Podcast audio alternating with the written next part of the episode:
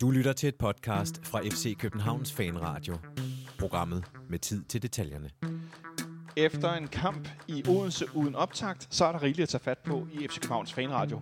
Victor Fischer er blevet solgt til Royal Antwerpen. FC København har vundet 2-0 i OB, og Carlo Bartolec er blevet sendt til Kroatien. Ja, der er rigeligt at snakke om i dagens udgave af Fanradioen, hvor vi også skal se øh, frem mod kampen på torsdag, hvor vi skal spille Europa Conference League kvalifikation igen, denne gang mod et hold fra Bulgarien. Så øh, velkommen indenfor. Jeg blev næsten helt forpustet, at jeg skulle snakke om det her. Og så har vi fået en masse bud fra jer øh, medfans på, hvad der kunne være en, øh, en realistisk signing, en logisk signing, og hvad der kunne være en helt vild drømmesigning her i løbet af dagen, både på Facebook og Twitter. Det kommer vi tilbage til.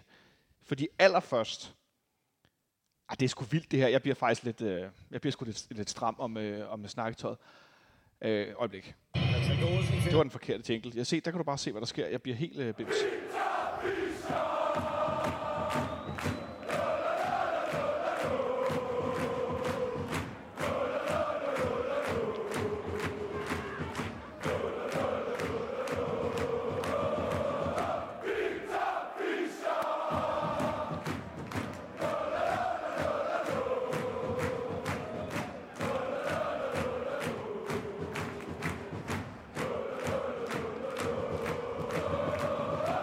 Altså, den her jingle, øh, den optog jeg på vores lille Zoom H6 optager, som man kan tage med og sætte sådan en vindhætte på. Så er der en mikrofon, der peger skråt i to retninger. Den tager ret godt lyd ind. Øh, den havde jeg med ude i Brøndby, øh, op på øvre afsnit, hvor at vi, vi vinder 2-1. Robert Skov scorer, Victor Fischer scorer. Jeg tror ikke, der er nogen, der tvivler om en kamp, det er, vi taler om. Det er Robert Skov, der øh, altså plører bolden op i nettet. Pierre Frimand var sådan helt, hold da kæft, øh, undskyld, øh, efter målet, øh, og så scorer Victor Fischer med helt ned foran sydsiden. Og de, de kaster ikke engang øl efter ham. Altså, de er sådan helt øh, paralyseret af det her mål. Og så øh, hylder vi ham efter kampen, fordi han spiller fantastisk, og der findes nogle fremragende billeder af, øh, blandt andet Lars øh, Rønbø har taget et fantastisk billede, hvor Fischers arme flugter med toppen af tribunetaget nede i den anden ende, og han står i nærmest en Jesus-positur. Ej, Jeg får helt kuldegøsninger på benet, bare jeg sidder og beskriver det her. Mathias, nu er Victor Fischer blevet solgt til Belgien med et år tilbage af sin kontrakt. Hvordan det her foregået i løbet af de sidste 14 dage, det venter vi lige et øjeblik med. Men hvad var din første reaktion på, at Victor Fischer han pludselig ikke var FC København-spiller længere? Ja, øh, meget blandet. Og, og det, er jo, det opsummerer det jo meget godt. Altså, det var øh, det er vemodigt. Det, det tror jeg faktisk er det første ord, jeg kommer på, fordi det er ekstremt vemodigt, og det, det, det er jo også den følelse, jeg får, når du sidder med, med din, og laver din, din fine intro til, til emnet Victor Fischer. Altså det, det er jo, han er jo, han er jo gået hen og blevet, næsten gået hen og blevet en legende, vil jeg faktisk sige. Altså han er blevet en, en, en, en karakter og en person, som, som, som, som er FC København, og som rigtig mange fans kan identificere sig med. Og det er altså ikke noget, man bare lige gør. Nej, det, det er øhm, nemlig ikke noget, men, men Mathias, nu taler du om en legende, men han har kun været her i tre år. Ja, ah, tre, tre et halvt. Ja, øh, ja tre et halvt må det blive. Ja. Men ja, ja og, og det er jo... men nogle gange, så skal der ikke mere til. Øh, jeg tror, du kan tænke på andre, som folk har, øh, folk har stemplet som legender, som måske endda har været kortere tid. Så det er jo også lige så meget det aftryk, man, afsæt, man sætter i klubben, og, og, og det, du sætter i på fodboldlandkortet og fodbold Danmark, og der er, er der få mennesker, der har været mere markant end Victor Fischer. Så fik jeg præsenteret dagens første gæst, det var Mathias, manden i busken. Øh, det er fordi, vi skulle tale om det her, jeg, blev, jeg tog røven på mig selv, det glemte jeg fuldstændig. Så kan jeg præsentere dagens anden gæst, det er Jonas Christiansen, han sidder overfor mig. Vi sidder inde i fanklubben. I kan måske høre øh, kirken over på øh, Østerbrogade, som ringer her i, i baggrunden. Øh, Mathias får kaldt Victor Fischer for en FC København-legende. Hvis du er enig, Jonas, det ved ikke, om du er, Øh, hvad er det, altså legender har jo gjort noget specielt, hvad er det, der gør Victor Fischer så speciel i den her sammenhæng? Jamen, det er jo fordi, at han, han har connectet så godt med fansene, og sådan passet så spot on ind i øh, den kultur og forståelse, vi har i FC København, at han rammer den så godt. Jeg ved jo ikke, altså hans præstationer er jo ikke til at hænge ude på, øh, på toppen af parken i en Legends Club, men det, gør jo, det siger alligevel noget, at han betyder så meget, og det er sådan vemodigt, at alle fansene har taget den her afsked, på trods af, at hans stats og hans præstationer og mesterskaber, hvad der kom ud af hans periode, egentlig ikke tilsiger det. Fordi vi har jo inden for de seneste par år øh, oplevet Ståle Solbakken, Endøje og nu Victor Fischer forlade klubben. Og Fischer er det, det er som om, han er lidt deroppe af på de to førstnævnte i forhold til, hvor meget fansen egentlig holder af ham, eller er, er kede af, at han skal forlade klubben. Så på den måde, så har han jo virkelig gjort noget i den her øh, forbindelse til fansene, øh, og det er jo det, der gør ham så speciel. Jeg, altså, jeg sad jo i, i sommerhus, da det ligesom blev offentliggjort, og blev sgu noget... Øh, øh, altså, det er mærkeligt, fordi han jo ikke har spillet godt i lang tid, men jeg blev noget rystet alligevel. Og jeg endte med at skulle forklare nogen, der ikke var fodboldinteresseret, hvorfor det var, jeg var så påvirket af, at vi har solgt en spiller, der har været dårlig i lang tid. Det burde jo være sådan rimelig, nøje, fedt, vi har fået penge for en, der kan gå. Super, lad os komme videre. Mm. Men jeg endte ud i, i et forsøg på en forklaring, der handlede om, at netop, som du siger, Jonas, hans stats har ikke været gode, men vi taler om en mand, som ingen andre øh, fodboldfans i Danmark kan lide. Der er ikke nogen andre klubbers fans, der kan lide Victor Fischer. Og så alligevel, så stiller han sig op og kæmper mod homofobi, efter at Brøndby-fansene gang på gang og hele stadion synger Fischer, han er gay. Helt stille og roligt. Ingen øh, ophidselse i stemmen. Ingen øh, I er også dumme eller noget andet grimt. Bare siger nej, men vi skal, øh, vi skal tale imod diskrimination. Vi skal tale imod øh, øh homofobi. Der skal være plads til alle. Der skal være rum til alle. Vi er nødt til at rumme dem, der er anderledes og minoriteter. Helt stille og roligt. Sammen med Mathias Sanker går han ud og taler mod racisme og går forrest i kampagner mod de her ting, samtidig med, at han ved, for han er ikke dum, må man ikke tage fejl af, han ved godt, at de her mennesker ikke kan lide ham. Om det så også er hans brændstof, det er så en helt anden sag. Det der med at være på, og være i rampelyset. Øh, hvis man ser, øh, hvad hedder det, højde øh, målvideoen, som FCK TV har lavet, hvor han scorer mod AGF ind i parken, der er tag på, Robert Skov scorer nogle helt vildt, et vildt, vildt mål. Så scorer han til sidst, og jeg kan så tydeligt huske og genså et, så sent som i morges, hvordan han løber ud mod ubaneafsnittet med tungen ud af munden, fordi GF'erne de tyrer fadøl ind i hegnet ud mod ham, ud i nettet, og det sprøjter ud om, at han løber med, med tungen helt ned på hagen, for ligesom at insinuere, at han smager på det her øl, de indirekte hylder ham med. Altså det der med hele tiden at være i stand til at gribe momentet, både i det gode og det dårlige, og så bare have så meget selvindsigt, så han sætter sig sammen med Kasper Marker for Discovery, og så taler han 42 minutter om, hvorfor han har været dårlig. det, altså, og så vil nogen sige, at ah, der er lidt for meget talen udenom. Ja, det kan godt være. Jeg vil da også forsvare mig selv, især hvis jeg var sådan en præstations supernova, som de der fodboldspillere jo er.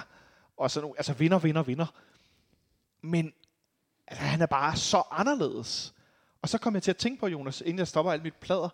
Han har jo i virkeligheden været ambassadør for den diversitet og den mangfoldighed, som vi bryster os af at have i København og FC København. Når vi taler om, at vi ikke vil høre, at folk synger om, om, øh, ja, om øh, folks etnicitet eller race, eller vi synger ikke længere i parken, når vi spiller mod Brøndby. Vi synger ikke bøsserne fra Vestegnen. Vi kan godt synge taberne fra Vestegnen. Vi kan godt synge Brøndby et afløbsrør. Men, men det handler ikke om deres seksualitet eller deres hudfarve. Og det var Victor Fischer. Han var bare ambassadør for alt det, som vi i hvert fald forsøger nogle af os at bryste os af. Hvad, hvad gør vi nu, Jonas?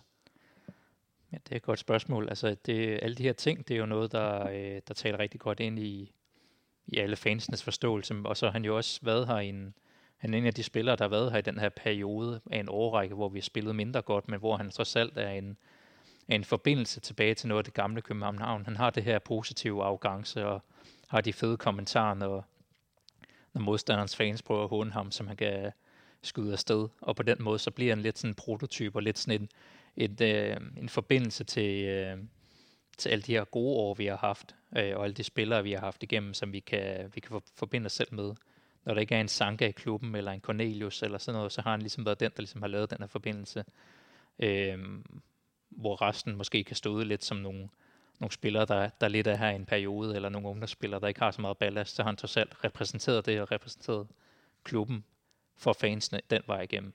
Både gennem øh, homofobi, racisme, men egentlig også gennem øh, altså den måde, han taler ind i klubben i forhold til resten af, resten af ligaen. Mathias, hvad er dit favorit Victor Fischer øjeblik i FC København? Oh, øh, det er mit favorit. Ja. Jamen, altså det første, jeg kommer til at tænke på, det er, det er her øh, lige før sommerpausen, hvor han, øh, hvor han står i AGF og snakker om Horsens. Øh, ja. Det var også dejligt Victor Fischers. Men det er jo mere som sådan en person. Øh, og jeg tænker også på, da vi vinder mesterskabet, og han simpelthen går rundt og tudbrøler inde på banen, fordi det er bare så stort for ham at vinde det mesterskab. Øh, men altså, man kan sige sådan præstationsmæssigt, så, øh, så, så, så, så er det jo bare foråret 2018. Øh, egentlig bare, altså det er svært at vælge en kamp ud, men det forår, særligt foråret han præsterer der, det er, det er så voldsomt, det niveau han kommer ind med. På, altså, og bare hæver et niveau, eller et hold, der havde været så dårligt. Altså det 17-18 hold, vi havde, det, var jo, det kan vi alle sammen huske, det var virkelig, virkelig ringe, og der var meget få ting, der fungerede. Så kommer han ind sammen med Robert Skov, men det er 98% Victor Fischer det forår, lad os sige det. Og bare for skabt et nyt FCK og får hentet, jeg ved ikke hvor mange point på FC Nordsjælland, smider det så til sidst alligevel, men for trods alt kommer op i den her top 3 og, og får noget, noget spillemæssig kvalitet, som, som vi ikke overhovedet havde set det halve år før det. Øh, og, og han havde bare så meget klasse og scorede mål på, altså på individuelle aktioner med sin hurtighed, med sin, med sin, med sin teknik, altså med, med det hele. Det, det var bare et, et samsurium med kvalitet. Ja. Har du et, øh, et favorit, Victor Fischer, øjeblik, Jonas? Hmm.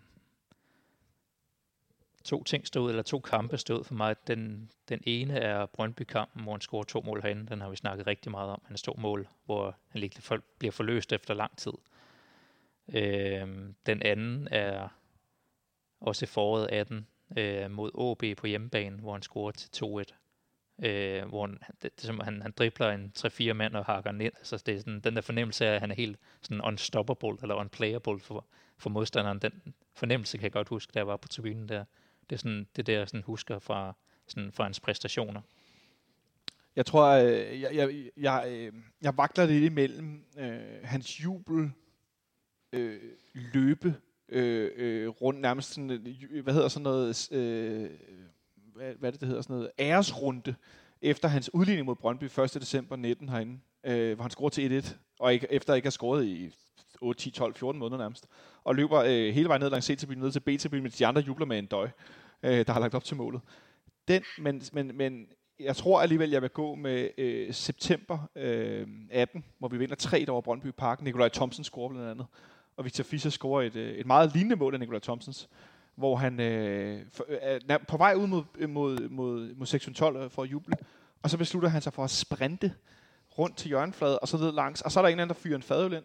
Jeg formoder en eller anden brønd over på A-tribunen, hvor efter han bare sådan, i sådan et, i sådan et, øh, nærmest sådan et, et håndboldmålmands vinduespusser skub med armen, bare sådan fejrer den væk, så den laver sådan et spray op i luften over ham, hvor efter han løber igennem det der spray, og løber hen til udskiftningsbænken og jubler det, det er så hjernedød en jubelscene, og det er et sindssygt godt mål. En virkelig god kamp.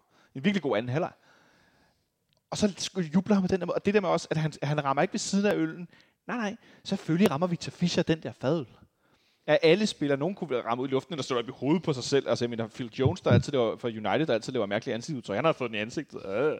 Øh, men Victor Fischer, han får selvfølgelig slået den, sådan, så han bare sådan køkker den der sky af fadøl og løber videre og siger bagefter noget i stil med, at ja, der var ingen, der synes, jeg var tørstig. Eller jeg så tørstig, eller hvordan det er historien er. Ikke? Men altså, ej, det kunne vi snakke om. Vi kunne have lavet en helt Victor Fischer special.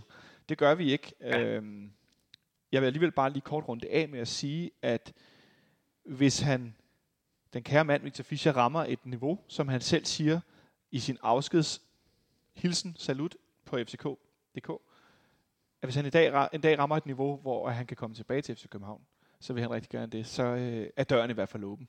Det tror jeg ikke, der kan herske nogen tvivl om, fordi at, øh, ja, hold op, den synes jeg godt nok er hård. Nå, vi skal, vi må blive nødt til at gå videre til noget andet, fordi at, øh, øh, vi spillede også i går, og, men vi vender lidt tilbage til det senere, når vi skal tale om, øh, om transfers og så videre, fordi det er selvfølgelig en stor del af det.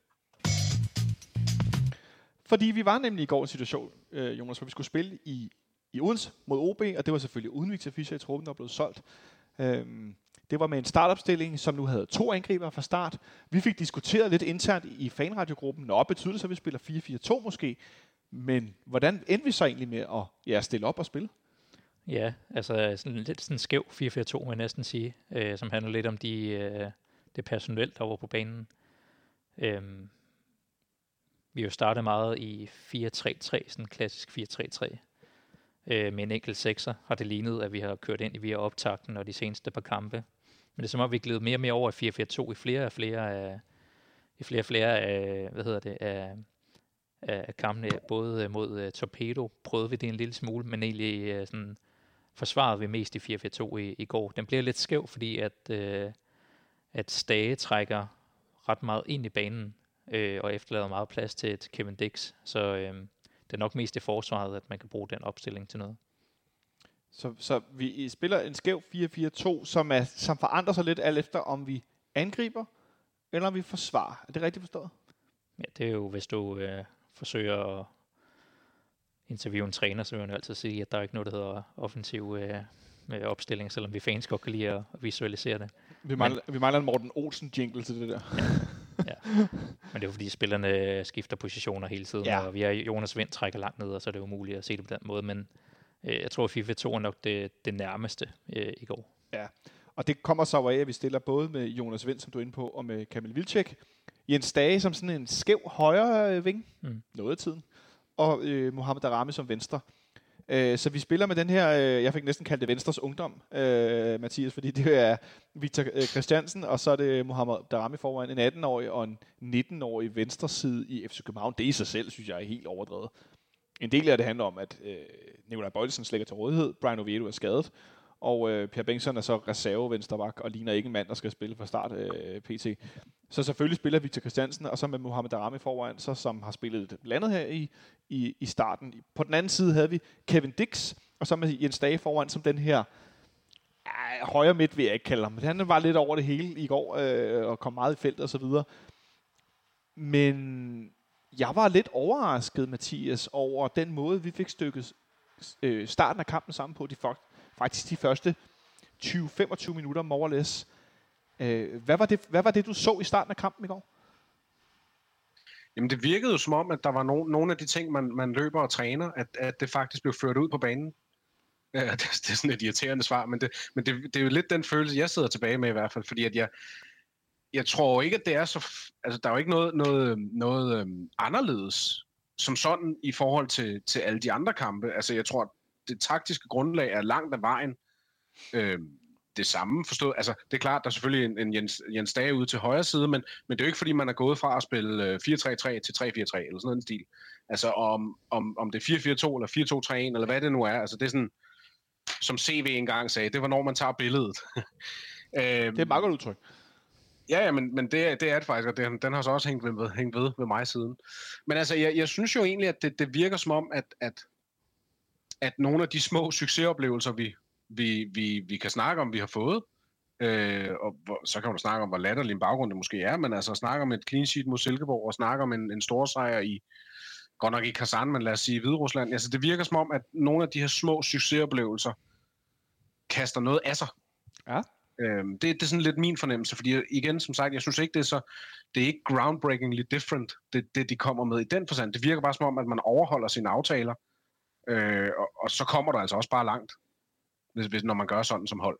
Ja, så en gruppe, der rent faktisk gør, hvad de har aftalt, de skal gøre, det er jo et meget godt udgangspunkt for, at øh, tømmerfloden ikke øh, knækker over på, øh, på vej over søen. Øh, men det er en periode i en kamp, Jonas, hvor at vi sætter os tungt på OB, vi skaber øh, en del chancer, for Jonas Vind får scoret, hvad der ifølge ham selv er hans første mål for FC København, der er scoret uden for feltet. Ja, det, det hørte jeg godt, han sagde. Ja. Kan det virkelig passe? Altså i Superligaen, sagde han i hvert fald. Han sagde i Superligaen. Men Jonas, som en spiller, der trækker meget ned i banen, er det ikke lidt uheldigt? Jo, det skulle man da håbe, at uh, han kan score flere, flere for den position, så han ikke skal hele vejen ind i boksen hver gang. Eller der skal være et straffespark, før han scorer. Men det var en uh, klasse afslutning. Altså, det var sådan en af de der, hvor man sådan tænker, hold op, det er måske lige en tand over, hvad man ellers ser i ligaen. Så det, der, der udtrykte jeg et lille wow. Jonas har udtrykt et diplomatisk. Wow, jeg fik råbt så for helvede hjemme i stuen, fordi at han ramte den sindssygt godt. Der var svir på den der afslutning. Og det er jo også noget, vi har snakket med Mathias, øh, både i fanradio, men også jeg ved, at man i fankredse meget taler om det her med, at vi får ikke scoret vores gode perioder, vi skaber chancer, og så kan det være, at vi lukker et mål ind i den periode, hvor vi er mest på bolden, øh, eller vi ikke får scoret, og så scorer modstanderen. Og så ender vi med at være sådan lidt spillet ned, og, og de her mål, de bliver med at lave, og så videre. Nu har vi holdt målet i, i, nu i tre runder i, i træk i Superligaen. Vi holder det faktisk i fire kampe i træk, hvis vi tager... Nej, tre ikke tre. Det er noget røv. Vi holder det øh, mod Silkeborg, og så i, på udbanen mod Torpedo. Det er resten vil jeg ikke sige. Øh, og så øh, holder vi det i går i, i Odense. Men det, den første periode, vi skal vel... Altså, er det, er det groft at sige, Mathias, vi skal score nogle flere mål i starten af kampen? Ej, altså det, det, det vil man jo gerne have, men altså man kan sige, øh, jeg er egentlig mere glad ved, at man holder i en okay lang periode, at man holder et, et, et, et højt niveau, både i det, i det offensive og det defensive, øh, i forhold til pres og, og holde i bolden osv. Øh, jo, vi kunne måske godt, jo, man kunne godt have håbet på et mål mere, så det kunne man selvfølgelig altid, kan man sige, men, men det, er egentlig ikke, det er egentlig ikke det indtryk, jeg står tilbage med, at, at, at vi skulle have scoret mere øh, lige i den periode, nødvendigvis. Øh, det er mere glæde over, over, at de så ikke scorer på deres heldige senere hen i kampen, men det kommer vi til. Ja, fordi at øh, vi mister noget momentum, hvilket man jo ofte gør i en fodboldkamp, Jonas, når vi, det, vi rammer cirka 20 minutter, kvarter, mister vi det lidt, for lidt tilbage, og så virker det som om, at luften går af ballon, og så skal der slå for, der stod uden til, øh, til OB på kampen. Ja, jeg synes, det er vores egen skyld, vi mister momentum. Altså, vi, vi har dem jo fuldstændig, hvor vi gerne vil have dem i det, første kvarter 20 minutter, og få skabt de her mål og, og store chancer. Synes godt, at Vildtjek eller Drame kunne have kommet tættere på en af dem. Øhm, men øh, det er som om, at det efter 20 minutter, så begynder vi at blive lidt for nonchalant og lidt for, lidt for kokke med bolden. Vi begynder at spille rigtig meget sådan, nogle, sådan noget småspil inden centralt, hvor vi mister bolden. Altså hvor man måske lige venter et sekund for længe på, at modstanderen bare ind i røven på en. Øh, så vi, vi faktisk øh, vi giver et par, et par kontrachancer væk lige pludselig løbet de her 20 minutter. Ja. Og det begynder som om, så det er som om det der, det giver noget mod til, til OB-spillerne, og så lige så stille og roligt, så glider, glider momentum også af, af hende. Øh, og ja, efter 30 minutter, der er vi jo reduceret til at, at spille på kontra. Hvad oplever du er den største årsag til, at vi mister momentum? Jamen det, jeg synes, det er, fordi vi er for nonchalant. Altså, det er som om, der er for god fornemmelse der i starten af kampen. Det jeg synes især faktisk Jonas Vind, på trods af målet, øh, taber et par bolde, hvor han er søgt ned i banen, øh, som giver de her par chancer imod. Øh, og det, det synes jeg er årsagen, øh, som, øh, som gør, at vi faktisk taber momentum. Så vi bliver lidt for nonchalant. Øh, er det fornemt, øh, Mathias, at skyde skylden på en kamp i torsdags, der gør, at vi mister lidt øh, energi der i midt i første halvleg? Ja, det synes jeg. Det, det, det er ikke... Jeg ved godt, PC han også står i interviewet bagefter og siger, på, at når vi havde også haft en lang rejse og sådan noget. Jeg, og jeg ved godt, det fysiologisk spiller ind, men ja, den, den køber jeg ikke. Ikke så tidlig, ikke så tidlig sæson, og efter den øh, forholdsvis afslappede præstation, det også var i, i Torpedo. Så, så nej, den, den, øh, den vil jeg ikke købe. Nej, jeg køber den heller ikke selv. Det var et forsøg på at høre, om der var nogen, der synes, den var, øh, den var værd at tage med. Fordi jeg synes, øh, jeg synes godt nok, det var, det var rystende at se, hvor, hvor svært vi havde ved at spille os ud af deres pres. Hvor svært vi havde ved at sætte afleveringer sammen. Øhm, og altså, det er lige før, jeg vil gå så langt som at sige, det mest positive, jeg sad tilbage med efter afslutningen på første halvleg, var, at OB havde svært ved at spille sig igennem vores, vores midterakse. Det her mellemrum øh, mellem forsvar og central midtbane, hvor vi jo har været dårlige til at, at afvise, og det har skabt mange mål i foråret, og det er også her i begyndelsen af efteråret, vi så blandt andet Silkeborg spille sig lige igennem gang efter gang. Der var det som om, som øh, en af jer var inde på før, at der var blevet kommet noget mere samling i gruppen, man holdt aftalerne. Det så lidt anderledes ud, selv i en dårlig periode. Ja, det er jo lidt flashback til øh, det gamle ståleforsvar i en 4-4-2, altså med en, øh, men sikker en falk ind centralt. Øhm, der, der har jo været mange øh, kampe mod bedre modstandere, for eksempel i Europa, hvor vi har stået langt ned, og det har set lidt hektisk ud, men hvor der i virkeligheden ikke, når man sådan tænker tilbage, er sådan nogle øh, gigachancer til OB. Øhm, det var lidt den fornemmelse, man sad med. Øh, det var lidt kaos, men øh, det var ikke fordi, det var de store chancer, de kom frem til. Vi, øh, det er som om, vi bliver, vi bliver også lidt læst i, i presset der. Vi, I starten af kampen er vi gode til at have de her, komme ud på Kevin Dix eller få sendt Darami i dybden. Øh, Øh, det får de lidt lukket ned for. Jeg synes, en, en god ting, der blev implementeret i spillet, det er det her med, at forsvarsspilleren spiller den forbi sin marker og ud på bakken øh, med det samme. Det, det giver faktisk rigtig meget. Det giver meget især til Victor Nielsens spil, øh, hvor han ofte bare har skubbet den til siden, men her der, der springer han en mand over i opspillet. Det gør faktisk rigtig meget øh, i kampen i går. Ja, vi får den flyttet lidt hurtigere øh, ud på øh, Victor Christiansen på venstrebakken, som øh, synes jeg spiller i, især offensivt en, en rigtig fin kamp, både i første og anden halvleg. Øhm, og så ellers over på den anden bak. Og jeg synes, vi skal dvæle lidt med, med ved det, øh, jeg vil kalde øh, Peter Ankersens PT største mareridt, nemlig at vi har hentet en mere dynamisk og mere farlig, altså afgørende højreback konkurrent til hans position, nemlig Kevin Dix. Øh, som jeg har været lidt loren ved, må jeg indrømme. Øh, det kan godt være, det her åndssvagt. Men nogle gange, når, når spillere kommer fra store fodboldnationer, hvis de så ender i en liga som den danske, så tænker jeg altid, ah, burde du så ikke være en større klub, eller på bedre niveau, eller brasilianer, øh, belgier, hollænder, øh, øh englænder, tyskere for den sags skyld, italiener. Øh, men øh, Kevin Dix øh, ligner en spiller, Mathias, i hvert fald, som for mit vedkommende, som vi godt kan få stor gevinst af med hans meget øh, dynamiske offensive spil. Hvad siger du til hans præstation i går? Jamen altså, jeg, øh, jeg, jeg, synes, set, jeg er meget begejstret for Kevin Days. Jeg synes, han, øh, han bringer noget af det, som, som vi desværre ikke har set fra Ankersen det seneste år. Øh, jeg, jeg synes, han, hans eksplosivitet, den, øh, den behager mig rigtig meget. Altså, jeg synes, det man lægger mærke til ved 1-0-målet i går, hvor det var ham selv, der tager et træk ind i banen, spilleren til Jonas Vind, men så det, hvis man prøver at lægge mærke til det løb, Dix så selv tager efterfølgende, han fortsætter videre ind i banen, og er faktisk, når, når Jonas Vind afslutter, er han helt fremme i, på kanten af feltet, sammen med øh, Darami og Vilcek må den sidste så være. Altså, så det er ikke bare at spille den videre, stå stille ude på en højre bakposition. Det er, det er, han, er, han er målsøgende, han er, han er agerig efter at skabe noget. Øh, og det, det synes jeg er, er fantastisk at se allerede nu. Altså, det er jo, det er jo retfærdigvis ikke særlig mange kampe, han har fået. Øh, så han skal også lige ind i det. Men det, det ser meget, meget godt ud, må man sige. Det, det, det, det synes jeg. Hvad er det for nogle, øh, Mathias inden på gærighed og dynamik og mål, målsøgende, øh, hvad er det for nogle ting, som, som, som du måske synes, han mangler lidt i forhold til det, som Peter Ankersen har, Jonas? Mm, Ankersen har måske en bedre indlægsfod, øh, de her tidlige indlæg, som vi kender Ankersen for. Øh, Ankersen ja, har været i klubben med mange år, og ved, hvornår han skal være oppe i et løb øh, på den måde. Øh, der, var et, der var nogle bolde i går, som missede, øh, både for Chocolat og nogle af de andre, hvor der den røde over sidelinjen i stedet for. Så det kan man jo håbe på at blive lagt på, når han får, når han får flere kampe. Øh, jeg kender ikke hans defensive niveau, når vi møder en god modstander i Europa, eller mod Midtjylland, eller et eller andet. Det, det må vi se. Så det, det er de spørgsmålstegn, der er, men det er ikke nogen, der sådan er sådan røde flag lige nu jeg synes, han bringer rigtig meget. Altså det her med, at han kan både trække hurtigt ind i banen og gå udenom. Det, det skaber alligevel noget, som vi måske mangler sådan generelt i FC København. Det er spillere, der kan tro på flere parametre. At man skal dække to sider. Og så i virkeligheden, han har det lidt atypiske for en, for en bak, at han er god offensivt på hovedspil. Altså nu kommer vi til 2-0-målet på et tidspunkt.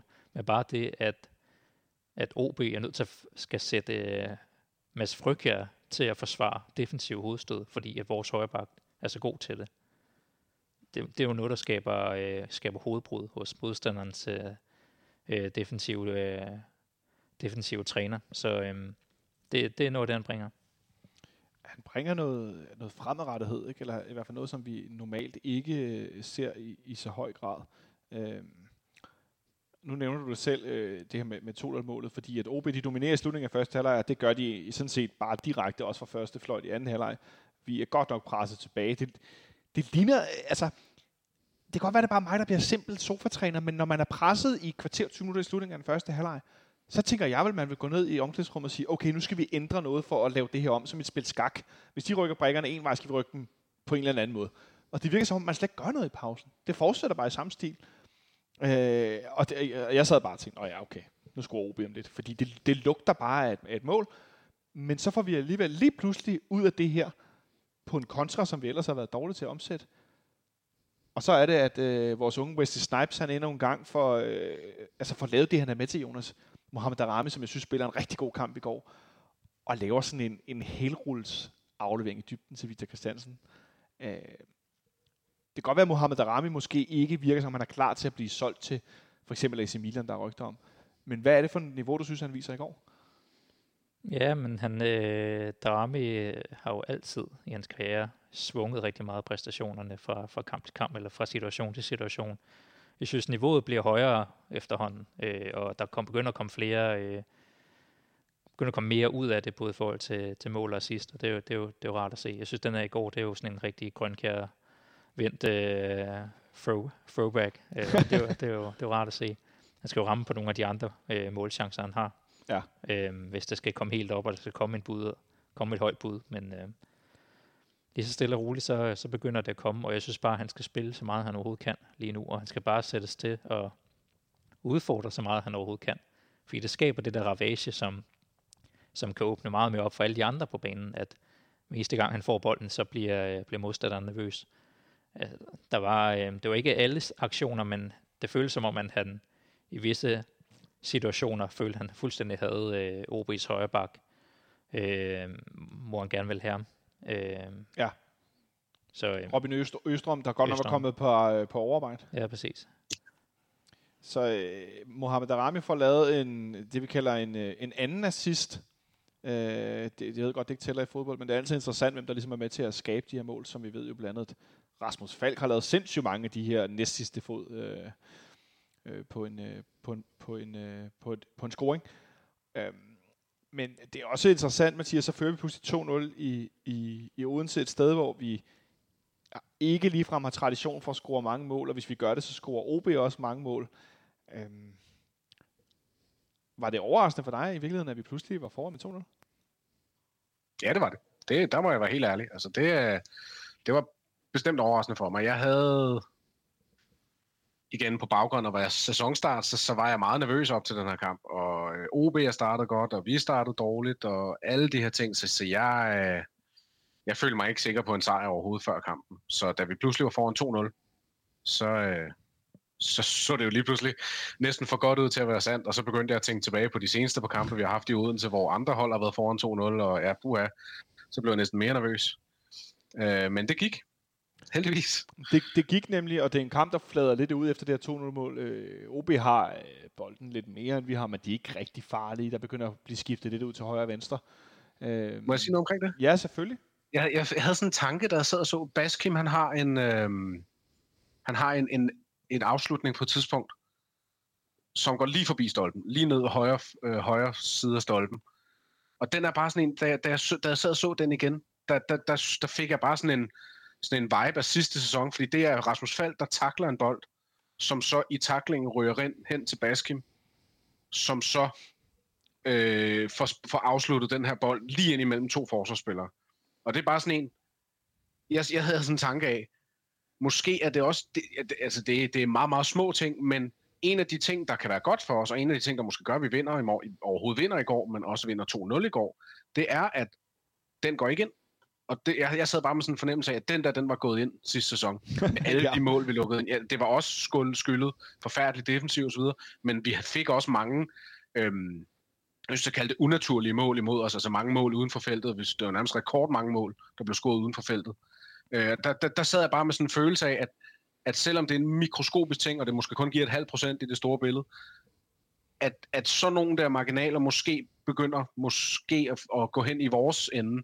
Det kan også være, eller det er måske det, der gør, at vi står tilbage med, med en sejr i dag. Eller ja, jo, i dag, kan vi godt sige. Og også i dag. Noget andet, jeg også øh, tænker, også, øh, Jonas, det er interessant, at vi i de sidste otte udbanekampe har lukket 16 mål ind, før i går. Ja, præcis. Øh, Ja, øh, præcis. det, er det, jo- det, er det er fuldstændig gak jo. Det, det er det, og det har jo været et problem rigtig, rigtig længe. At, øh, og så at vi har haft så meget fokus på offensiven, når vi i virkeligheden altid var vant til, at man kan stole på en, på en god defensiv. Der må vi jo så også lige give et skud til øh, vores nye midterforsvar, David Ruchalava, eller hvad han hedder, øhm, som vi skaber noget stabilitet dernede, synes jeg, og vinder en rigtig mange dueller. Det, det tror jeg har været rigtig godt at, at få ham ind. Øhm, vores tre clean sheets har jo været med tre forskellige forsvar, men jeg synes, der begynder at komme noget, øh, noget ærekærhed omkring øh, at holdnålet, som øh, jeg tror, vi, vi har godt af. Mr. Lava Lava. Mm. Det går lidt Mr. Lava Lava. Så skal jeg nok lade være med at lege Shaki, Shaki mere for i dag. Uh, han er nemlig lidt af et uh, powerhouse. Uh, der har været noget kritik om, at han spiller hårdt. Han har fået nogle gule kort. Men hvis man giver sig selv et øjeblik og går ind og finder statistikkerne på Superliga.dk over hans kampe, så laver han forsvindende få frispark. Altså sådan overraskende få frispark. Så øh, det, det, det kan, jeg, øh, kan jeg anbefale lige at kigge på, inden man får kaldt ham for en voldsom spiller. Øh, for jo, han har en masse fysik, og han kommer altså med... Altså, jeg kan næsten ikke... Altså, øh, sådan noget Michael Gravgaard, øh, Papagiannopoulos, Papagiannopoulos, han kommer med altså det der virkelig sådan sten-power, øh, kraft ind i duellerne, men han er bare, han er bare rigtig god. Ja, der, er- der er en situation efter tre minutter eller sådan noget, hvor at, øh, hvor han bliver hævet ned af, af Mads Frygkjær, Ja. øh, og, og ryger græsset, og for, hvor Frygkjær egentlig får sparke ham i baghovedet, så man falder rundt. Og det reagerer han overhovedet ikke på. Altså han er ikke rundt og ruller rundt, som man er vant til at se, når man ser fodbold. Det var sådan, jo, det der sker nu er, at Jonas smiler saligt over en ja. mand, der ikke øh, klager over at blive sparket i baghovedet. Hvad siger du, Mathias? Jo, jeg vil bare sige, jeg synes jo, øh, at, at, at jeg synes jo, han er, han er, han er sådan en granitmand. Han slår mig lidt som sådan en kontrolleret Papaji. Nu nævnte du selv Papagianopoulos før. Og han er sådan en kontrolleret udgave af ham, faktisk. Altså, han har lidt af de der powerdyder, og, og virker egentlig også okay hurtigt af sin størrelse, faktisk. I hvert fald, når toget lige kommer i gang. Øhm, så, så jeg, har, jeg har god fornemmelse af ham. Jeg vil sige, efter OB-kampen, der blev jeg noget nervøs. øh, altså, også fordi det var to så dumme situationer med, med de to. Der skulle så have været to gule kort og alt det der. Det behøver vi ikke snakke mere om. Men efter det, der var jeg lidt nervøs, og der tror jeg også, at det var den kære Ingemann, der i vores interne chat fandt en eller anden statistik omkring hans gule kort ja. øh, i Shakhtar, som var sådan noget hver tredje kamp, og han gule kort. Ja. Og det, øh, det er jo selvfølgelig ikke super. Men, øh, men siden da, synes jeg godt nok, at han har spillet sig op. Ja, det må man sige, og det har været med, med Marius, og i går er det så med Victor Nielsen, som er tilbage i startopstillingen. Jeg synes også, han spiller en rigtig god kamp, og det var sjovt at se så to duelspillere ved siden af hinanden, der bare powerede ind i duellerne hele tiden på skift, som sådan nogle stempler i en motor. Og bare den ene side og den anden side afvist og clearet og gong, gong, gong, gong. Jeg kan ikke lade mig at tænke på, Jonas, det måske i virkeligheden heller ikke var så dårligt, når vi nu har haft svært ved at stå imod, at vi havde to stærke spillere, Øh, og så er der snak om Victor Nielsen, der skal sælges, og Nikolaj Bøjelsen skal spille den ene, og han er jo ikke så fysisk stærk. Øh, det efterlod i hvert fald mig med en masse tanker. Nå, men i slutningen af kampen, så får OB jo faktisk scoret. Ja. Øh, og det bliver så annulleret, og jeg nåede lige at sidde og skælde ud og være, blive rasende for Kamil Grabata for at lave sådan noget øh, smørhandskeværk der. Det viser sig heldigvis øh, for os, at øh, er det øh, Opondo, mm. som får ramt bolden med hånden to gange, tror jeg der. Ja, i hvert fald få den skub ud. Ja, og så får han for øvrigt også lavet frispark, som jeg ser det. Øhm, men det nåede lige at blive sådan, åh, åh nej, skal OB nu til at jagte det sidst. Det skulle de heldigvis ikke. Og det efterlader os med en 2-0 sejr i Odense. Og så ser det hele lidt bedre ud. Eller hvad, Jonas? Ja, altså man kan jo, jeg synes i dag har der været sådan lidt, uh, lidt, uh, lidt godmorgensol og fuglefløjt i, i klubben, eller sådan, uh, sådan du, du for regnen, der sådan for, for, forsvinder. Øhm, men øhm, altså, og, og Torup står og udtaler som om, at det var en, øh, en stor Champions League sejr, altså han er også lettet. Jeg synes jo ikke, øh, jeg synes jo ikke vi, der, der er noget, der er bevist endnu, øh, på trods af, at det er, en, det er, en, det, det er et flot resultat, øh, og vi har haft svært ved at spille derover i mange år. Ja. Øh, men hele perioden med Torup har jo været et skridt frem og et skridt tilbage, eller to skridt frem og to skridt tilbage. Så nu er vi startet med to skridt tilbage, og nu er gået to skridt frem igen, så der er ikke noget, der er bevist endnu. Det skal jo det skal jo fortsætte i en periode, det her, hvis det, der skal være noget, der, er, der føles godt. Men altså, positivt, der er kommet styr på defensiven. Jeg tror, det er rigtig godt for moralen, at der ikke går et kludermål ind øh, til sidst, på trods af, at vi stadig får sejren. Øh, og det der, man, man har en, en halv træningskamp over i Kazan til at lige at få spillet noget momentum ind i holdet. Der, der, der er nogle gode ting der. Det, det, det er godt, at vi har øh, tre nye indkøb, der performer fra starten af, at jeg ikke skal bruge halvanden år på at komme, øh, komme i gang. Eller mere. Ja. Øhm, de, de ting kører for klubben, at man begynder at få ryddet lidt op i, øh, jeg skal ikke gå alt for meget over i transfer talk, men det der, kom man, lidt, det kom lidt. Man begynder at få, ligesom at få, øh, få nogle spillere ind på holdet, som rent faktisk øh, leverer og ikke sidder ude på tribunen med en masse lønkroner. Spillere, der ikke sidder ude på tribunen med en masse lønkroner, det lyder meget godt. Mathias, inden vi går videre? Ja, og så vil jeg bare lige tilføje til, hvad Jonas siger. Tre clean sheets i træk, så kan du snakke om baggrunden og alt muligt andet, men det er stadig første gang i over to år, at det er sket for os.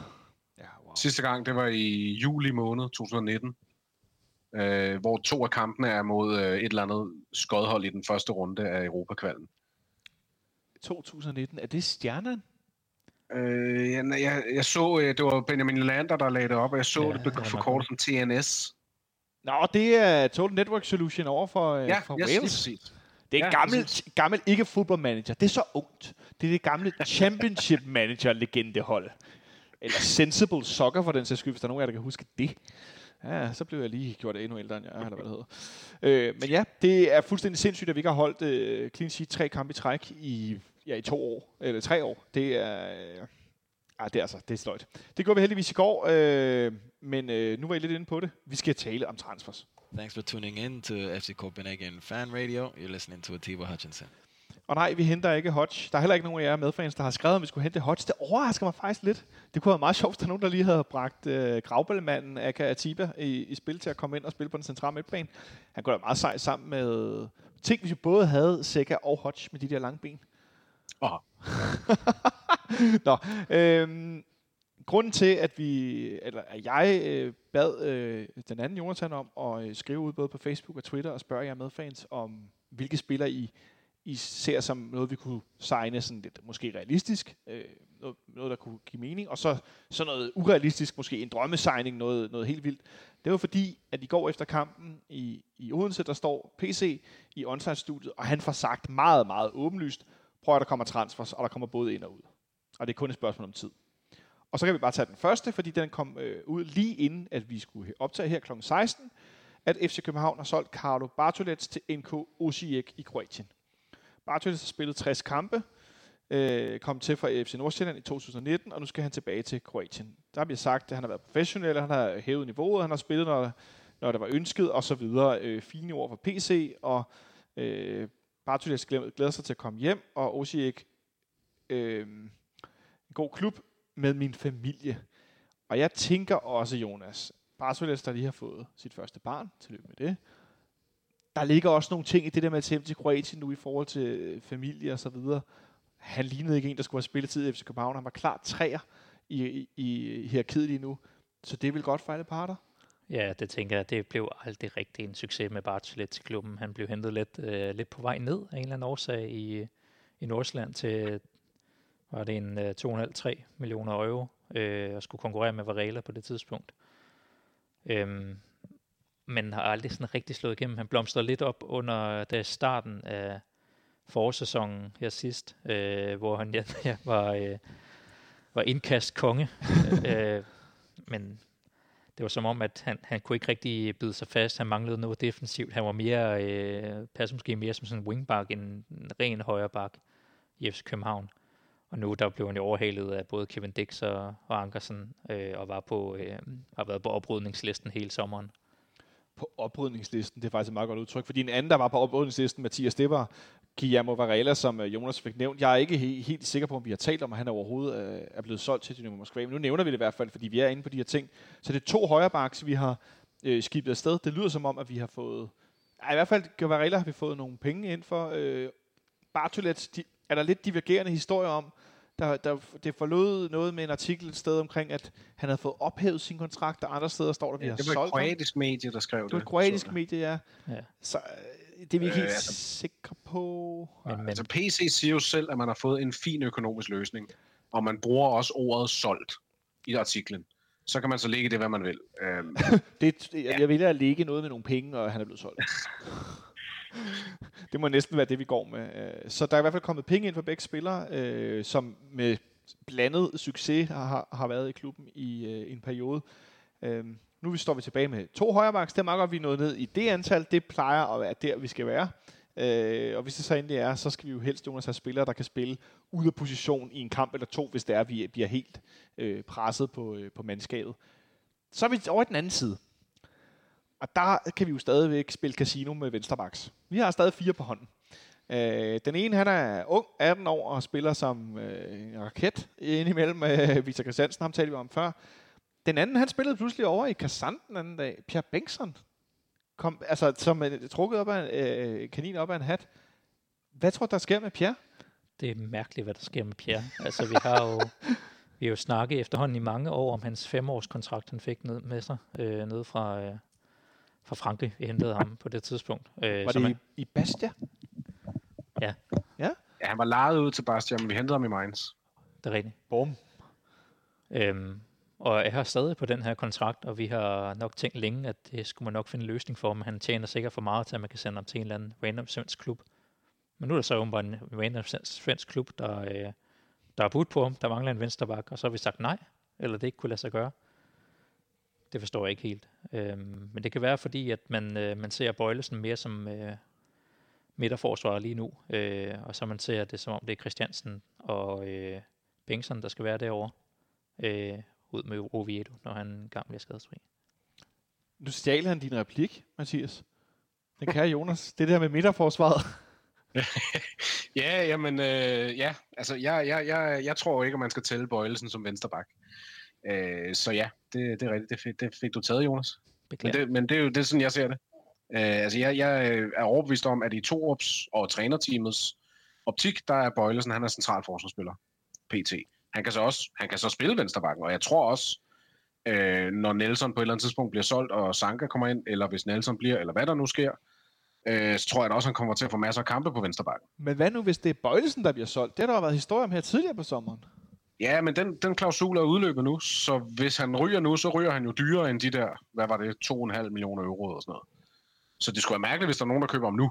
Men okay, altså hvis der er nogen, der køber om nu, og køber om dyrere end den klausul, de har kunnet købe dem for, for 3-4 dage siden, så er fred være med det. det. Så tager vi det med. Men det, det tror jeg nu ikke. Det er nu ikke så nervøs for. Øhm, ikke mere. Det vejer indtil juli udløb. Så rent numerisk, altså vi ved også, at Thor på PC taler begge to om, at vi skal helst have nogle spillere, øh, i hvert fald ikke, ikke dem alle sammen, men nogle spillere, som kan spille på flere positioner. Øh, du nævner Morten Olsen for anden gang i dag. Det her med at være polyvant. Det er så et fantastisk ord, som han lige øh, hævde ud af rumpetten. Øh, så betyder, at du kan spille på, du er vendbar i virkeligheden. Ikke? Øh, mm. Og det er Bøjlesen jo kvæg, han kan spille centerforsvar, han kan spille vensterbak. Pierre Bengtsson er vensterbak. Han har spillet lige smule på ja. højre bak nogle gange. Øh, Victor Christiansen er vensterbak. Han har også spillet lige smule på højre bak nogle gange. Men, og så Brian Oviedo, det er den sidste mand, Mathias. Fordi ham har vi jo også, nu er han skadet igen, ja. Brian. Ja, hvad, hvad, hvad, hvad skal, altså. Han har også en lang kontrakt. Ja, jeg kan faktisk ikke huske, hvor lang den var. Var det ikke en tre år, han fik? 700-800 år, jeg ved det ikke. øh, men, men, men, men Jonas, vi er i hvert fald, for lang, i hvert fald. Ja, for langt, vi er bare hen i, øh, altså der, der, er det virkelig lidt for tidligt, vi har den her snak 2. august, når vinduet lukker om en måned, fordi der er så mange ubekendte faktorer, også i forhold til, hvad der kommer ind. Hvor langt kommer vi i Europa? Og så har vi altså for eksempel på Venstremark fire spillere. Jamen, jeg tror netop, at, at PC har den her oprydningsliste. Altså, det er sådan lidt addition by sub- subtraction. Altså, man fjerner mm. alle de ting, som ikke giver værdi, så man har noget rum til ligesom at, øh, at, at gøre noget mere med. Altså, Andreas Bjelland, øh, mm. Bartolets. Bartolets, Varela. Åh, oh, det smerter mig at sige det, Victor Fischer. Ja. Øh, Lyftner. Lyftner. Øh, Grydebust, forhåbentlig. Åh, oh, ja, men det, nu, det nu er vi ude i fremtiden, nu er vi bare på, hvad ja, han allerede... Altså, dosmersedlen er allerede... Der er blevet sat nogle streger over nogle navne, ikke? Uh, jeg tror, det er altså mange lønkroner, hvis man skal begynde at tage den snak. Det er helt vildt mange lønkroner, Det skal der vi, fordi det tilbage. har jeg stående her på skærmen. Kan du, altså, overvåger du min skærm, eller hvad foregår der? Det skal siges, at Mathias sidder derhjemme. Det skal jeg ikke afsløre sådan noget, så mister jeg point. Nej, okay, fair nok. Øh, fordi det er nemlig det næste, Mathias. Det er det her med lønkronerne. Det er vel også, man skaber også noget, altså Victor Fischer klart i, i, i toppen af hierarkiet rent lønmæssigt. Mm. Man skaber en masse rum til det her, som vi har bedt vores medfans om at give bud på. Og jeg kan da lige så godt bare nævne det første navn, som folk drømmer om. Der er ikke så mange, der ser ham som et realistisk navn. Og det er selvfølgelig manden, der forkortet hedder JBL, og det er ikke højtaler eller høretelefoner, det er Jakob Brun Larsen. Øh, som vi ved i en eller anden grad, den har været der. De har været i kontakt i flere omgange. Det forlød i vinterpausen her for cirka et halvt år siden. Der arbejder man på, det var tæt på. Øh, nu er historien der lidt igen, og øh, jeg spørger jo bare, Mathias, gad du godt, at han kom til klubben? Ja, det, det gad jeg godt. Uh, han, er, han er præcis en type, jeg håber på, vi kan få ind, som kan bidrage med noget af det, som Darami også bidrager med. Altså noget hurtigt, og, noget hurtigt, noget fart og noget hurtighed. Det, øh, altså, og, og noget af det her øh, målfarlighed, som jeg, som jeg i hvert fald tror på, at øh, Jakob Brun Larsen kunne, kunne bringe ind. Det er noget af det, vi har manglet rigtig meget. Det er at have noget målfarlighed fra vores andre offensivspillere end bare øh, Vilcek og Vind. Ja. Øh, altså, der er flere ind, og det er noget af det, der Rami bringer med nu, og det skal vi have mere ind af. Så jeg kunne rigtig godt tænke mig Jakob Brun Larsen. Det må jeg indrømme. Om det kan lade sig gøre, det, det, ja, det er jo svært at sige. Altså, han har jo spillet, han har startet ind i alle tre træningskampe, de har spillet. Hoffenheim. Ja. De første to blev han skiftet ud i halvlejen, og den tredje, som de spillede her i lørdags, tror jeg det var, der blev han skiftet ud efter 60 minutter. Øh, så spilletiden har han i hvert fald fået. Jeg ved ikke, hvor mange spillere de mangler. Øh, sådan en som Robert Skov for eksempel, hvis først lige kommer tilbage fra EM-ferie. Jeg har ikke været med i nogen af de her tre kampe. Han bliver jo skadet øh, i, i opvarmningskampen på Brøndby Stadion lige en øh, EM. Og slår så. Ja, men han var trods alt til, var han ikke til rådighed under EM? Jo, men jeg mener, han var ikke han var ikke helt op på de høje, sådan 120 okay. minutter okay. i benene navler. Det var mere sådan, jeg tænkte, han ja. har ikke lige været helt på, på toppen. Men du kan godt se Jakob Brun Larsen i FC København, det kan jeg egentlig godt forstå. Temmelig habil spiller også efter en U21-slutrunde, hvor han gjorde det rigtig godt. Hvad vil, men en ting er spillemæssigt noget fart, dynamik, God afslutter. Men Jonas, jeg er også tilbage til det her med, at der ikke må gå løb på steg i den for FC Københavns trup. Vi trænger også til noget karakter. Vi trænger til noget personlighed. Det er ikke nogen hemmelighed, at Jakob Brun er FCK-fan. Hvad, hvad, hvad, tænker du om at få sådan en mand ind? Ja, og gode venner med Jonas Vind og, og sådan nogle ting. Har været inde og se kampe herinde øh, for forårsrække. Øhm, jeg kunne godt tænke mig ham herinde. Jeg tror, han ville trække rigtig meget, øh, rigtig mange øh, trøjesal og sådan nogle ting. Øh, han har de ting, som Mathias øh, nævner i forhold til hans på banen. Også det her element af, at man så også ikke kun opgradere øh, Superliga-spillere fra subtopklubber til, øh, til København, men rent faktisk hiver et stort navn hjem fra udlandet, der også kan komme ind med noget professionalisme og komme ind fra et træningsmiljø i, i Tyskland og sådan kunne bidrage med nogle af de her ting.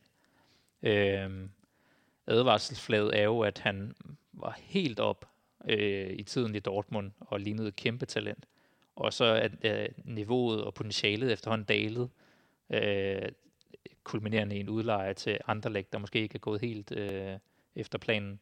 Så får man en spiller på toppen, det ved man ikke. Det skal være en af de her med, det er jo sådan en af de her transfer med en dansker, der er gået lidt i stå i udlandet, som så bliver mulig for os. Hvem er det, det minder mig om? Det er en offensiv dansker, der var stor talent i en stor klub, og så lidt rundt, og lidt det ene sted, lidt det andet sted, så ender han i FC København. Det er sjovt, det minder mig om et eller andet, Mathias. Jeg kan sørge ikke komme på, om det skulle være. Det skulle vel aldrig være en mand, der har spillet nummer syv. Øhm, Starter med V og slutter med Ikter. Ja, præcis. Hector. Øhm, vi har rigtig mange medfans, der skriver øh, blandt andet om Jakob Brun Larsen. Vi har Cornelius Gabe, der skriver om, en, en, han håber på en angriber, der kan holde fast i bolden, eller Santander. Øh, så Vildtjek er ikke meget værd, når han ikke scorer. Det er jeg sådan set enig i. Vildtjek, nu fik vi ikke lige nævnt ham før, han var fuldstændig blind passager i går i, i Odense. Det går så alligevel. Øh, måske øh, Bojake i sin tid for Røde Stjerne, var der også nogle rygter om. Øh, han er også en, der bliver bragt op nogle gange. Kenneth Hansen skriver om Jesus Medina. Kan I huske ham? Som vi var ved at købe, og så blev Ståle øh, mildt talt tørret. Og så blev han til New York i stedet for have aldrig vist sig at være det store hit. Øh, det er vist mest for sjov. Øh, han snakker om, øh, at måske kigger PC mod Spanien. Det kvæg, at han stolet på scouting-afdelingens øh, arbejde allerede. Der har man kigget lidt offensivt. Det virker, man gør længere efter Pep Biel og Michael Santos. Det er godt, at man kigger et helt andet sted. Men det er et meget godt bud. Øh, Morten Susgaard skriver, om han savner noget for PC's eksotiske netværk. Og her tror jeg, han tænker på øh, Georgia og så videre, der blev hentet i stor stil i, i Aarhus blandt andet.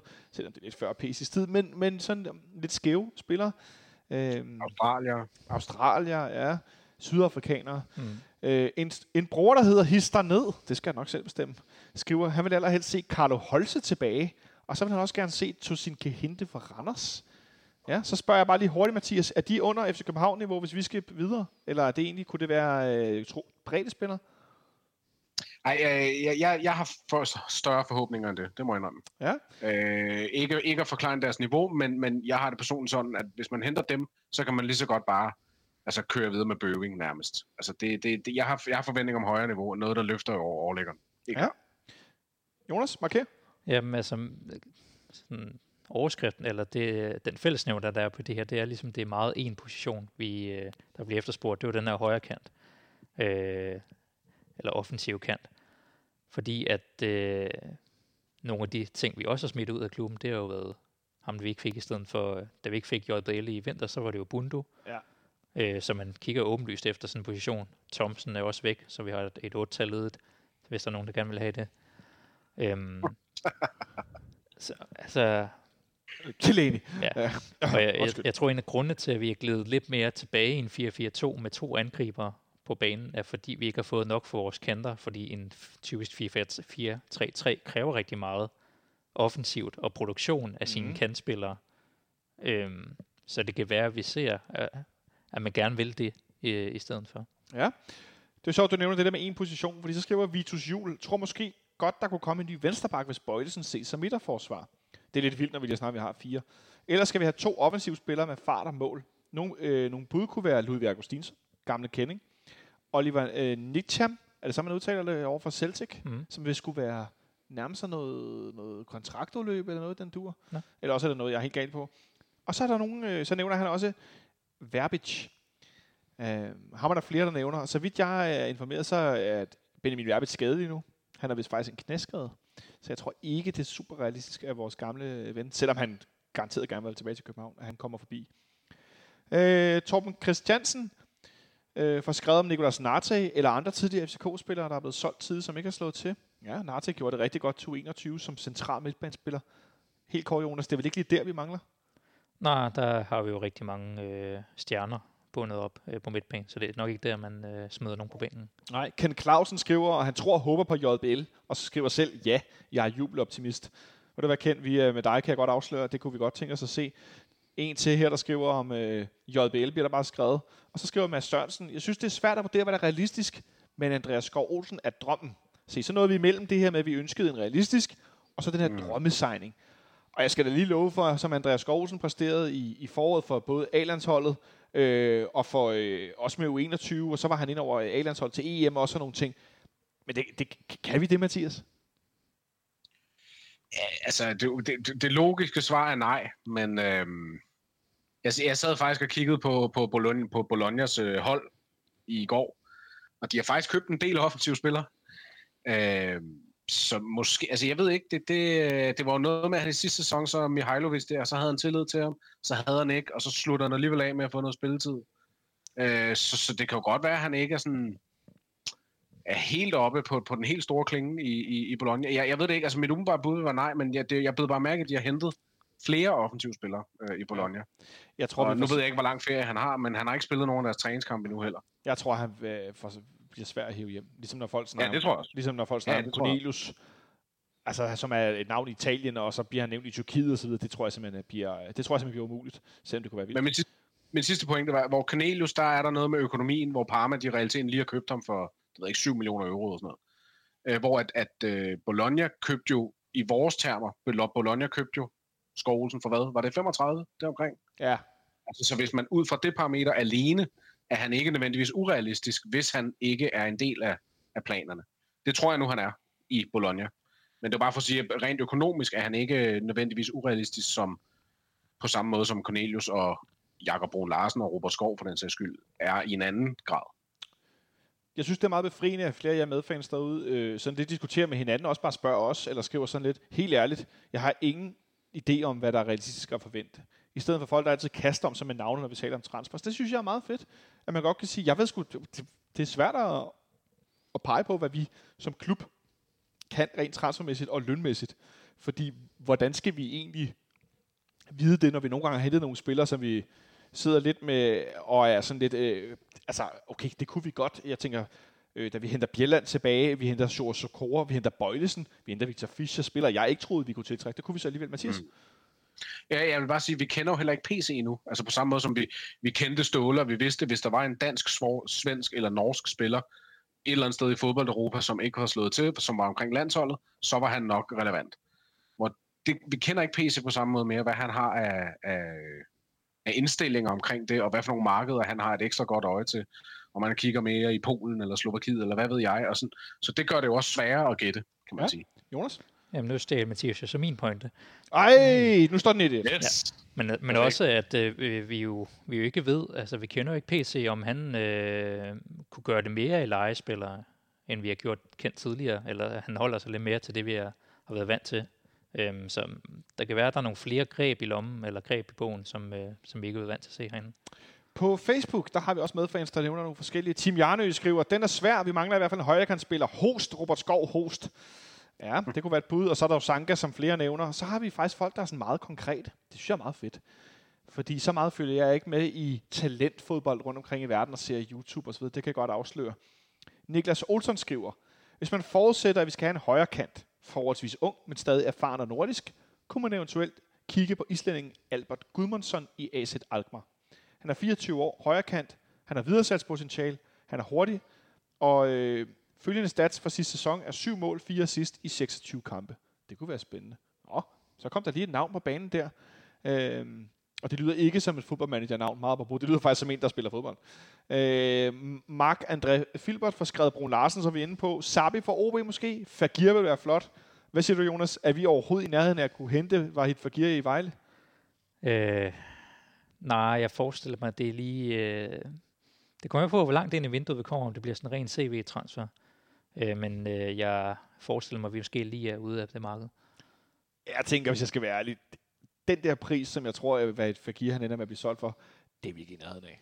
Altså det tror jeg simpelthen ikke er. Hvis vi tænker på, at vores transferrekord er Pep Biel, som alt efter hvilket medie du finder og spørger, så har vi et sted mellem 28 36 millioner der mere.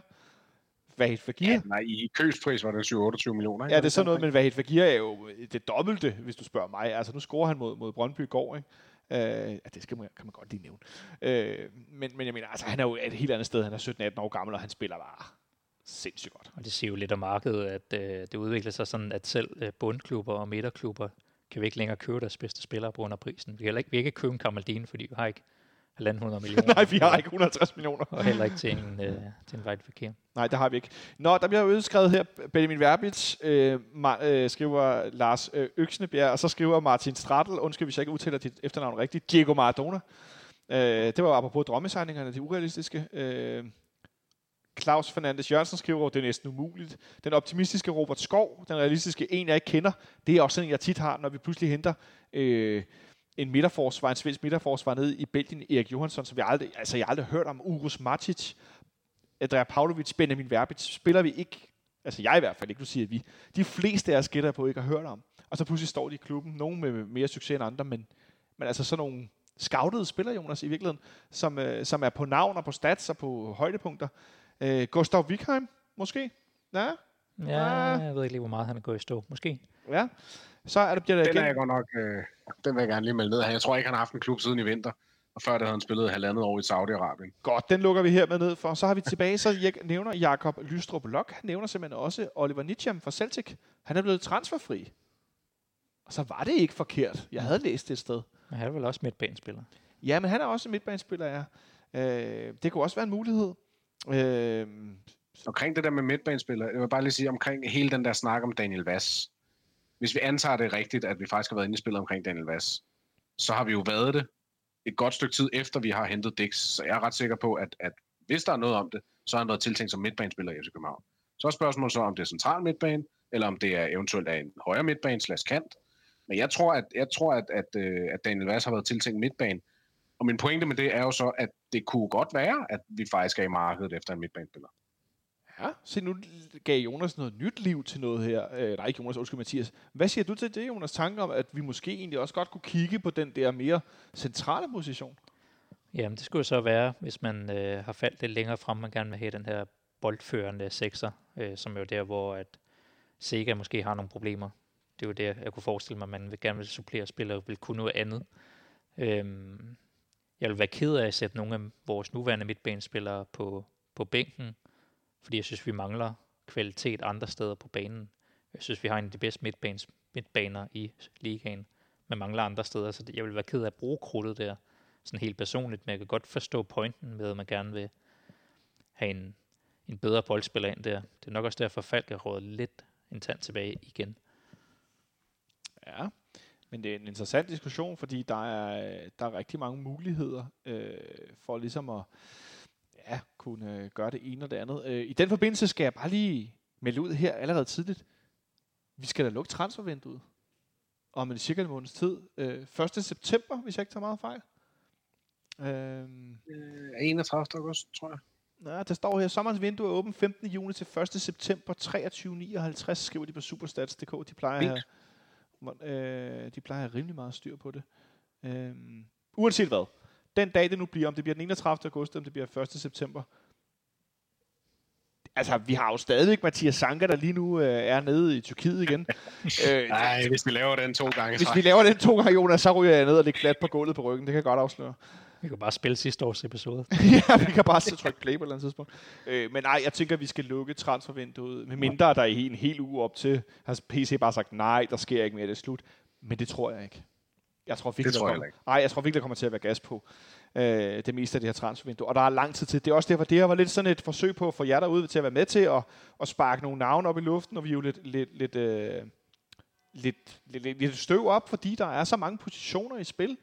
Og det er længe siden, jeg kan huske, at jeg sidder og har været så, altså ikke forstået dårligt, men usikker omkring, Mathias, hvad der egentlig kommer til at ske, fordi der er så mange spillere, der kan ryge ud, og så kommer der nogen ind, og hvad er det så, der kommer ind, og så videre. Øh, vi nævnte Jakob Brun før. Mathias, hvis du skulle have et navn, en spiller, du godt kunne tænke dig, der kom ind, som du kan vælge, ikke sådan, ja, vi snakker Messi kontraktfri, haha. Hvis du kunne vælge en, hvem skulle vi så hente ind? Jamen, så er det jo nødt til at være et navn, jeg kender, og så, så går jeg med Jakob Brun. Du går med Jakob Brun? Ja. ja. Har du en anden en, Jonas, som du godt kunne tænke sig, at vi ligesom sådan inden for øh, den store pengepunkts rækkevidde hæve fat i og fik til København?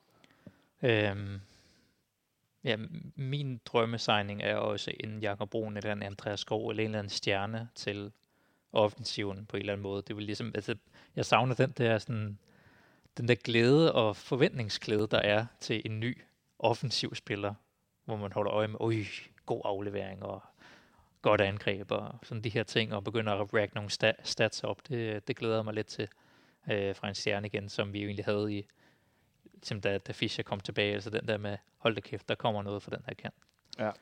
Øhm, og, og, og udover det, så, øh, så synes jeg jo, PC har er godt inde i øh, det her transfervindue indtil nu. Altså det her med, at han har ryddet for så meget op, som vi har snakket om, og han hentede de her tre spillere, der startede med at fungere fra starten af, fokuseret lidt på forsvaret til at starte med. To forsvarsspillere og en målmand. Øhm, det, er, det, som jeg stadig mangler, det er måske et eller to store salg, der ligesom sådan holder den her mølle i gang med, at vi også får banket nogle ordentlige økonomi ind i klubben, og vi bliver ved med at udvikle spillere selv til store beløb. Ved det er Nelson, Vind eller Darami, eller en eller anden kombination af det. Øhm, og så en stjerne eller to ind. Gerne Luk Sanka. Det er sådan mit, min to-do-liste for resten af det her vindue. Jeg tror jo, Mathias, der bliver solgt et par stykker. Øh, Victor Nielsen er et bud. Mohamed Arami har der været historie om. Der var lidt om Bøjlesen. Det virker som om, som du selv siger, med, med den her klausul, det måske er ikke i spil længere. Lad os så sige, at et par af dem bliver solgt. Jeg har sådan en, øh, en drøm, der hedder, at øh, vi sælger Victor Nielsen. Så henter vi Mathias Sanka. Så sælger vi ikke faktisk nogle af de andre. Jonas Vind spillede for lidt til EM. Jeg tror, der går et år mere. Øh, Mohamed Darami viser sig også, det er historier, og der er nogen, der kigger, og så henter de nogle andre.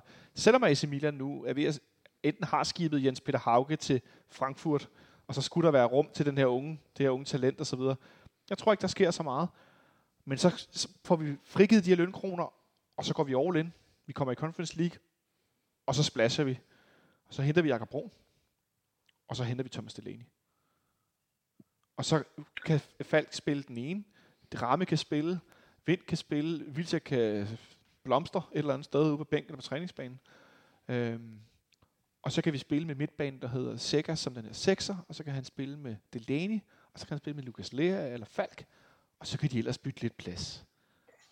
Ja, se, så tog jeg den helt store drømhat på, og fløj ud af en eller anden sky. Jeg vil sige, det folk ikke kan se, det er, at jeg sidder og jeg kan ikke engang, altså jeg smiler så meget, jeg overhovedet kan, og bare ved tanken om Thomas Delaney. Altså det, det kunne være fantastisk. Øhm, efter det her EM, han har spillet, hvor han jo sammen med Pierre Emil Højbjerg, altså det, det har vi jo slet ikke talt om, tænk en slutrunde, han spiller på den her centrale midtbane. Ah, Dortmund vil ikke helt bruge ham fra start. Okay, altså, så lad I være med det.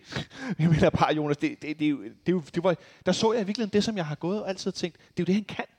Det gjorde han lige pludselig. Ja, men nu, nu roder du med nogle følelser. Altså, jeg vil være ked af at begynde at håbe på den der, og så vi ender med øh, Delaney, eller det lignende svar på Bundu, eller erstatning, eller et eller andet, der ikke er i, i samme kaliber.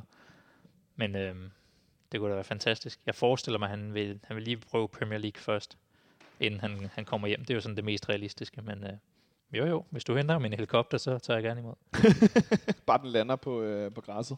Øh, men det er også et mit urealistiske scenarie. Jeg tror slet ikke, vi er... Vi er altså, hvis, hvis Unibet skal lave en ordentlig entré i klubben, så kunne det da være noget at hente ham igen.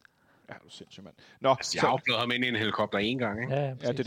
Det kan være, han kommer ned i sådan en af de der droner, der kan bære mennesker i sådan et net. Øh, ja, Mathias til sidst. Jeg, jeg vil bare lige, i forhold til det, du sagde med transfer deadline, det vil jeg bare lige allerede nu tease lidt, hvis man kan sige sådan. PC, han sagde jo i går i det her interview i Onsite, har det jo været, ja. at, øh, hvor han bliver spurgt til, om man har øje på det her gruppespil. Og der får han jo også sagt på sådan lidt politikersvar, at øh, jamen selvfølgelig er det noget, man har øje på. Så det vil sige, at så frem vi kvalificerer os til Conference League, så er det jo noget, vi gør et par dage før transfervinduet lukker. Så dermed kan vi godt forvente, at om det så sker på transfer deadline dag, det, det tør jeg selvfølgelig ikke at love, men vi kan godt forvente, at der kommer noget ind, så frem vi kvalificerer os til gruppespil. Øh, ja, i, i de dage, der følger efter det. Ja. Så det var bare lige en uh, indskydelse. Det er da også en god indskydelse. Han, han sagde det jo faktisk også i forbindelse, han blev spurgt omkring, at der er jo så også ekstra kampe i, i efteråret, altså hvis vi skal spille seks gruppespilskampe. Ja. Øh, og det var både ind og ud, så det kan også være, hvis vi nu kigger sådan igen, altså der lige rører en, noget dødvægt ekstra, mm. øh, hvis vi kun skal spille Superliga igen. Og en pokalturnering, Og en pokalturnering. som vi ryger ud af i første runde. Ej, anden runde. Øh, Når vi har trukket Midtjylland. Den anden, anden kamp i kvalifikation til Conference League bliver spillet den 26. august. Så der er øh, nogle dage der efterfølgende til netop øh, indtil transfervinduet lukker. Nå, så nåede vi lidt omkring øh, transfers. Og nu skal vi spille øh, en kamp, inden vi når overhovedet når så langt, og inden vi skal have det der på søndag alt muligt. Så lad os lige, øh, lad os lige kigge lidt på det. Og jeg lover, at jeg fra nu af forsøger at holde styr på de her UEFA Conference League hold. Og nej, vi skal ikke spille mod Torpedo. Det var dem, vi slog i sidste uge. I Kazan. Det var for øvrigt synd, at der ikke var nogen af fans, der kunne få lov at lave Kazan 2.0, efter vi var en del, der var derovre for, øh, ja, for 11 år siden i, i sne og frost.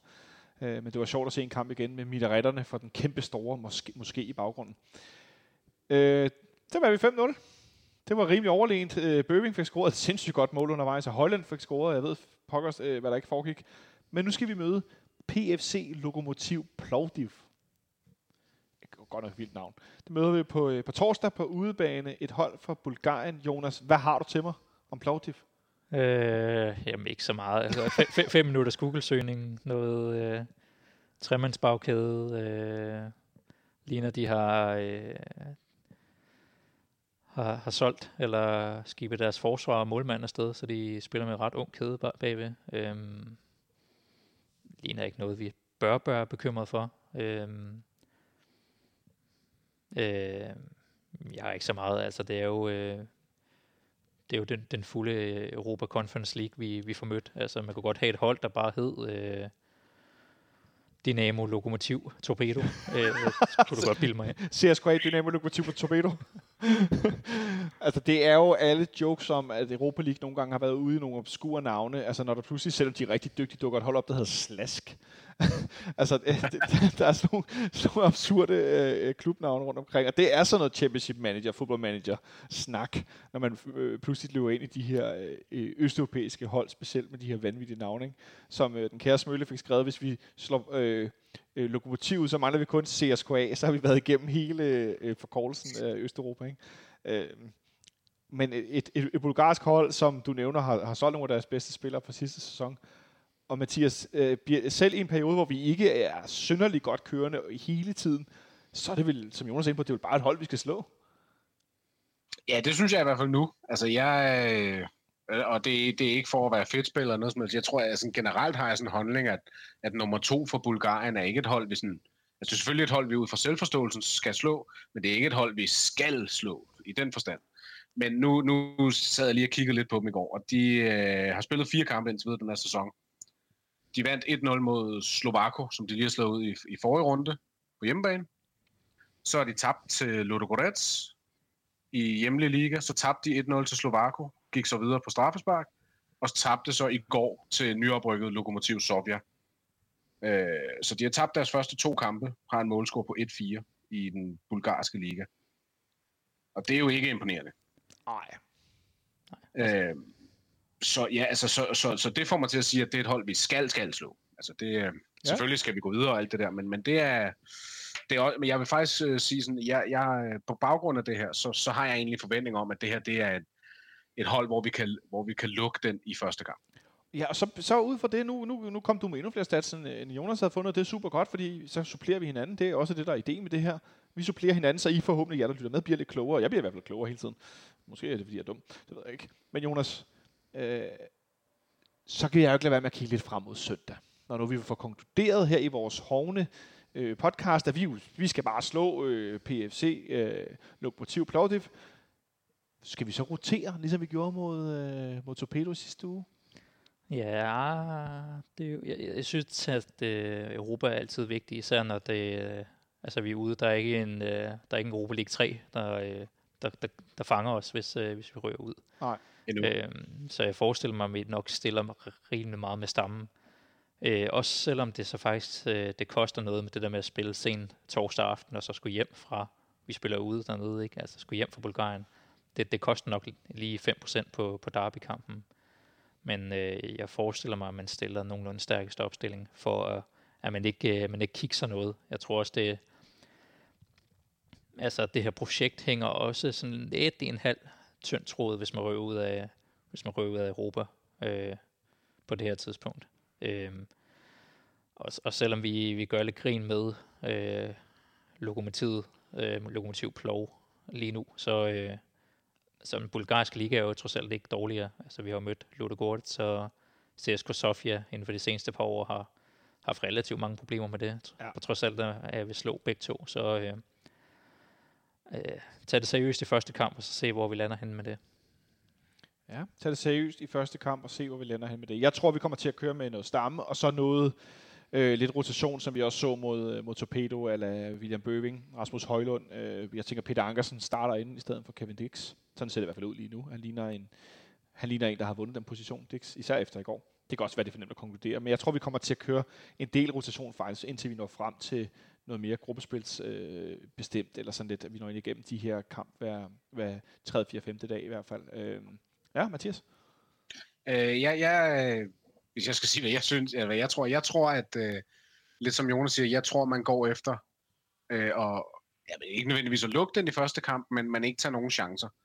Øh, der er jo så også det med det, at, at øh, det kan selvfølgelig godt være, at det koster lidt procenter på forkant af et derby, men omvendt, hvis man kommer hjem med et godt resultat, så har du heller ikke et retur, så har du ikke på samme måde returmødet i baghovedet til derby, hvor, øh, hvor, hvor, øh, hvor det selvfølgelig også kan give nogle procenter i den kamp. Ja. Øh, så ja. Fordi det er jo, øh, jeg synes, det er, det er meget cool, at man, øh, Jonas Vind blandt andet i går efter kampen var sagt, øh, så spørger jeg intervieweren efter kampen over i Odense, Nå, men noget med åh, søndag og derby, siger han, jo jo, men vi skal altså lige spille torsdag.